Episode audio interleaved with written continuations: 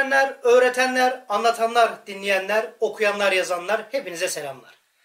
Dış politika okumalarında karşımıza sıklıkla bazı kavramlar çıkar. Eğer siz uluslararası politikaya ilgi duyan biriyseniz yaptığınız okumalarda aşina olmanız gereken bazı kavramlar vardır. Bugünkü videomuzda birer dakikalık kısa anlatımlarla bu kavramların neler olduğuna bakalım.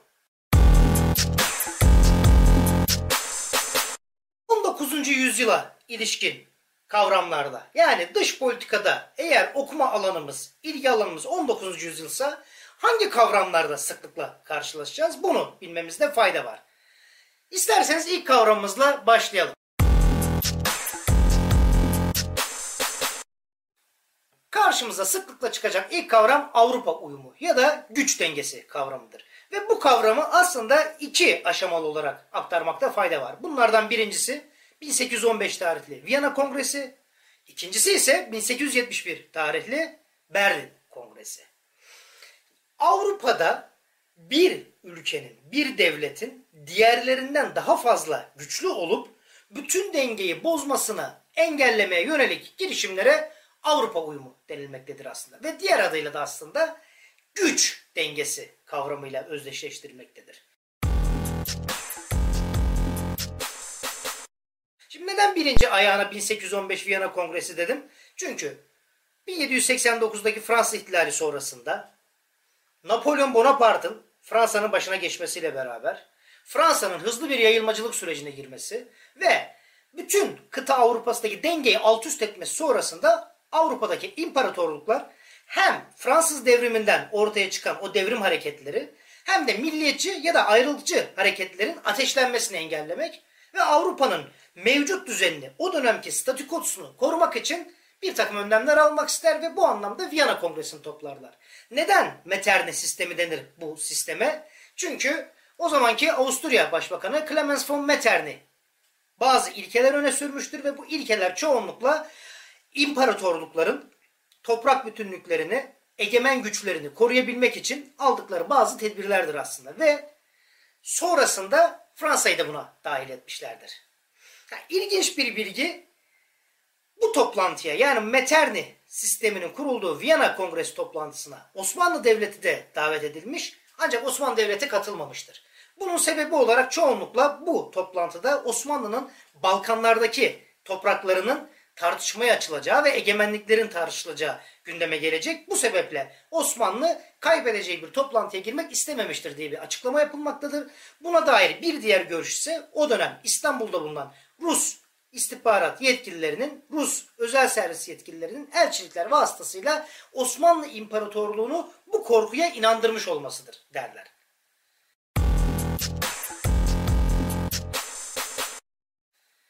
Diğer ayağı olarak bahsettiğimiz husus neydi? Berlin Kongresi. Neden diğer? Çünkü bu Metternich sistemi statükoyu korumayı amaçladığı için aslında 1830'lardan başlamak üzere yani sanayi devriminin hareketlendiği dönemlerden başlamak üzere 1860 yılında tamamen dağılmıştır. Yani Metternich sistemi bir sonuç getirememiştir. Haliyle güçler dengesi de bozulmuştur. Ha bu süre zarfında bu Metternich sistemine dahil olan Prusya, o zamanlar Almanya yok, Prusya, Avusturya, Birleşik Krallık, İngiltere yani ve Rusya çeşitli toprak bölüşmeleri yapmışlar ve böylelikle birbirini dengelemeyi hedeflemiştir. İşte aynısı Almanya birliğini sağlayıp yaklaşık 300 civarı prensliği birleştirerek Otto von Bismarck yönetimi altında 1871'de tek bir Almanya'yı oluşturduktan sonra ikinci güçler dengesi yani ikinci Avrupa uyumu devreye girmiş ve Berlin Kongresi'nde kararlar alınaraktan bu bahsettiğimiz güç dengesi yeniden tesis edilmiştir. Bu da ikinci ayağıdır ve o Birinci Dünya Savaşı'nda bahsettiğimiz itiraf devletleri ve ittifak devletleri işte bu sistem sonucunda kurulmuştur ve ömrü tabii ki 1914 yılına kadar yani Birinci Dünya Savaşı'na kadar sürmüştür.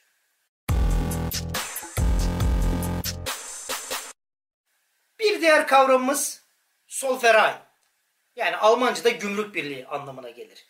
Bir önceki kavramımızda Avrupa uyumundan bahsederken Otto von Bismarck'tan ve Almanya'nın birleşmesinden bahsetmiştik ya. İşte Solferay denen şey de Prusya prensliklerinin 1800 yılların ortalarında gümrük birliği başlığı altında tek bir gümrük kuraraktan, oluşturaraktan aslında birleşmelerinin ilk hamlesini anlatmaktadır. Bu önemli çünkü Almanya'nın bu birleşmesi bize 20. yüzyılda da çok farklı değişiklikler getirmekte ve bazı tabirleri açmamızı zorunlu kılmaktadır.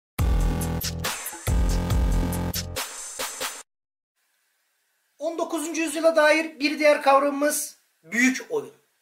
Biz Türkler millet olarak zaten büyük resim kurusunu çok iyi bildiğimiz için büyük oyunda bize çok aşina gelmektedir aslında. Şimdi dünyanın Avrupa tarafında 19. yüzyılda önce bahsettiğimiz kavramlarla ilişkili alakalı hususlar yaşanırken bir de Asya kıtasında bazı gelişmeler vardı. Ve bunlardan en büyüğü de adı üstünde büyük oyun. 1830'da başlayan İngiltere ile Birleşik Krallık'la Çarlık Rusyası arasında devam eden bir güç mücadelesidir. Ve bu güç mücadelesi Orta Asya üzerinde devam etmektedir. Bu güç mücadelesinin sebebi nedir? İngiltere'nin yani Birleşik Krallığın o zamanlar karayoluna taşıdığı ticaret yolunun özellikle Hindistan'dan başlayıp Avrupa'ya kadar sorunsuz gelmesini güvence altına almak ve bu ticaret yolunu koruyabilmek için başlattığı bir harekettir. Ve bu anlamda Rusya'nın, Çarlık Rusyası'nın da çizdiği hattın altına inmesini engelleme çalışmalarıdır.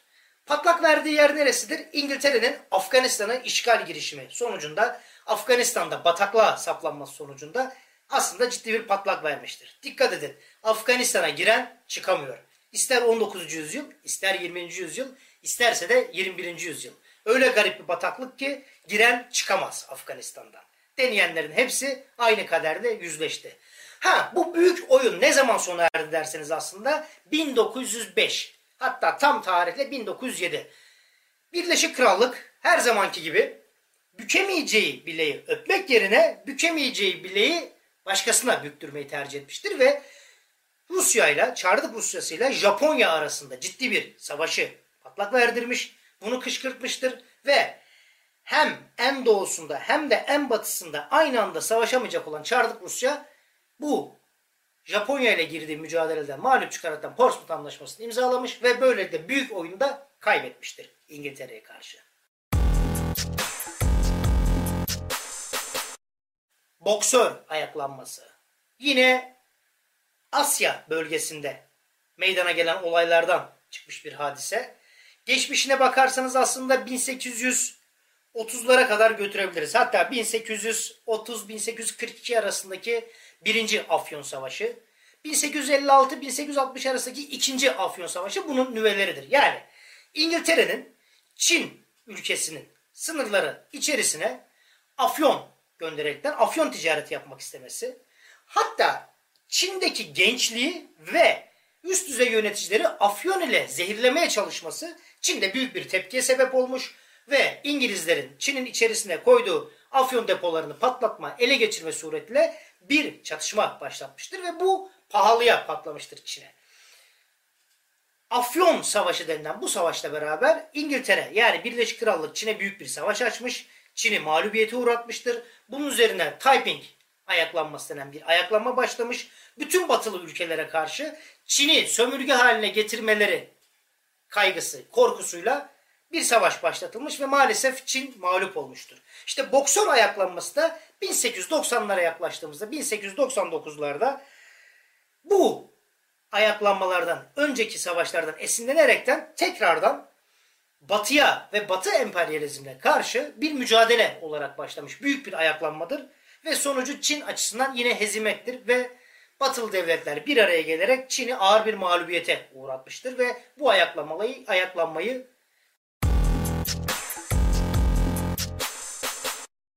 Asya'da bunlar olurken peki Amerika kıtasında neler olmaktaydı? Şimdi Amerika kıtası dediğimizde 1800'lü yıllarda ilk akla gelen husus Monroe doktrindir. Yani 1823 tarihinde o zamanki Amerika Birleşik Devletleri Başkanı James Monroe'nun ortaya koyduğu bazı hususların, ilkelerin sonrasında bir doktrin olarak açıklanmasıyla beraber çıkmış bir ilkeler bütündür aslında Monroe doktrini. Ve bu Monroe doktrini özetle şunu demektedir. Bir, Avrupa ülkelerinin koloni hareketleri ve koloni girişimlerini ben Amerika kıtasında, başta da Latin Amerika yani Güney Amerika olmak üzere tanımıyorum. Bu işten derhal vazgeçsinler. İkinci husus nedir diyecek olursanız o da Avrupa'da bu Metternich dönemi, güçler dengesi vesaire yaşanırken ben Amerika Birleşik Devletleri olarak Avrupa'nın bu iç işlerine müdahale etmek istemiyorum. Onların güç dengesinin bir parçası değilim ve onların da benim işlerime karışmasını istemem. Yani bir nötralizasyon, bir uzak durma politikası diyelim özellikle. Şimdi bu şu anlamda önemlidir. Bunun öncesinde Amerika'nın temel politikada izolasyon politikasıydı. Yani ben Amerika kıtasına karıştırmam. Amerika kıtası dışındaki kıtalara da karışmam. Bu Monroe doktrini her ne kadar Avrupa ülkelerine kolonilerden vazgeçin dese de bir sonuç alamamıştır. Çünkü Amerika'yı, o günkü Amerika'yı bugünkü gibi düşünmemek lazım. Yani henüz bir süper güç değil, henüz doğru düzgün bir savaş anlamında bir teçhizat yeterli Avrupa ile baş edecek kadar yok. Bugünkü gibi emperyal emelleri olan büyük bir süper güçten bahsetmiyoruz. Daha kendi kıtası içerisinde henüz palazlanmaya başlayan ve kendi iç ilgilenmek zorunda olan bir Amerika'dan bahsediyoruz. İşte Monroe doktrinde sıklıkla karşımıza çıkacak ne zamana kadar? Özellikle Birinci Dünya Savaşı bitimine kadar. Ondan sonra zaten bambaşka bir doktrinle bambaşka bir Amerika Birleşik Devletleri göreceğiz. 19. yüzyılın bir diğer önemli kavramı belki de en önemli kavramı aslında Pax Britannica. Sıklıkla duymuşsunuzdur. Pax Ottomana, Pax Britannica, Pax Americana. Bu şu demek Pax Britannica derken aslında Birleşik Krallık koruması, himayesi ve liderliği altında bir dünya barışı demek. Yani bu şu demekti. Birleşik Krallık üzerinde güneşi batmayan imparatorluk o kadar güçlüdür ki bütün dünyanın kontrolde söz sahibi olarak dünyaya bir barış getirmiştir. Yani bir hegemon güçtür aslında. Bunu 21. düzeltiyorum 20. yüzyılda aslında Pax Americana ile görmüş olacağız.